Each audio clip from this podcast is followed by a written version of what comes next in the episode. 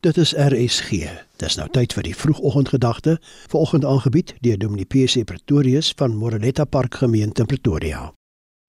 Goeiemôre luisteraar. Vanoggend gesels ons oor 'n nuwe rigting. Het jy ooit gevoel asof jou lewe in 'n nuwe rigting moet inbeweeg? As dit kom by ons geloofslewe, dan roep die Here Jesus ons konstant dat ons nuwe rigtings vir hom moet inslaan. Nuwe rigtings in ons dissiplines en in ons toegewydheid, maar nuwe rigtings ook as sy disippels. En dit begin die eerste stap by bekering, berou en vrug. As ons vir die Here sê dat ons lewenswyse onder sy heerskappy staan, dan moet ons besef dat daar nie eintlik verskonings kan wees vir wat ons moet doen en ons dalk nie doen nie of wat daar is wat hy van ons vra wat moet gebeur in ons lewe en ons sê dalk ons het nie tyd daarvoor nie. Ons erken dan teenoor die Here dat ons lewenswyse nie altyd was soos wat hy wou gehad het nie. Ek wil saam met die psalmdigter stem as hy vir ons leer hoe dit gedoen word.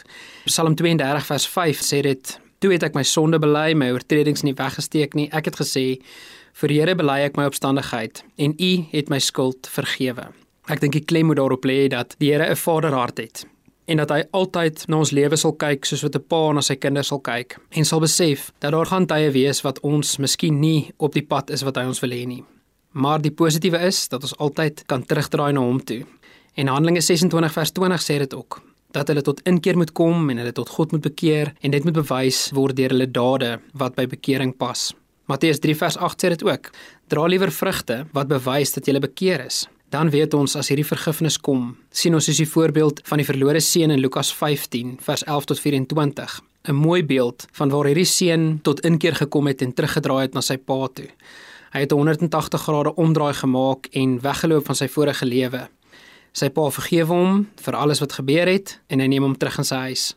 Op dieselfde manier vergewe ons Hemelse Vader ons as ons terugdraai na ons huis toe. Daarom weet ons ook, dit stel ons in staat om 'n nuwe rigting in te slaan vir ons lewe en weer 'n stuk opgewondenheid te beleef vir ons geloofslewe. Het jy nog daardie opgewondenheid in jou om vir die Here te leef? Ons wil geen spyt hê die dag wanneer die Here ons kom haal nie. Ons wil weet dat ons die spyt kan agterlaat, want God se plan vir ons lewe is baie keer baie groter en baie beter as enige plan wat ek self vir my lewe kan hê. Jy sal nooit spyt wees as jy God met daardie plan vertrou nie. 2 Korintiërs 7 vers 10 sê: "Want droefheid volgens die wil van God bring bekering wat tot redding lei, en daaroor was niemand nog ooit jammer nie. Daarteenoor bring droefheid uit wêreldse oorwegings die dood." Ons weet ons wil nie in droefheid leef nie, ons wil ons lewe in 'n nuwe rigting leef. En daarom kan ons dit vir die Here kom gee en hy sal 'n nuwe stuk opgewondenheid en 'n nuwe stuk vrug in jou lewe laat heers. Hy sal vir jou kom wys wat dit beteken om waarlik die lewe voluit vir hom te leef in jou verhoudings en verder in jou lewe as jy dit alles vir hom kom gee.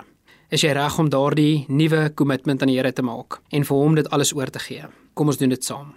Lekker dag.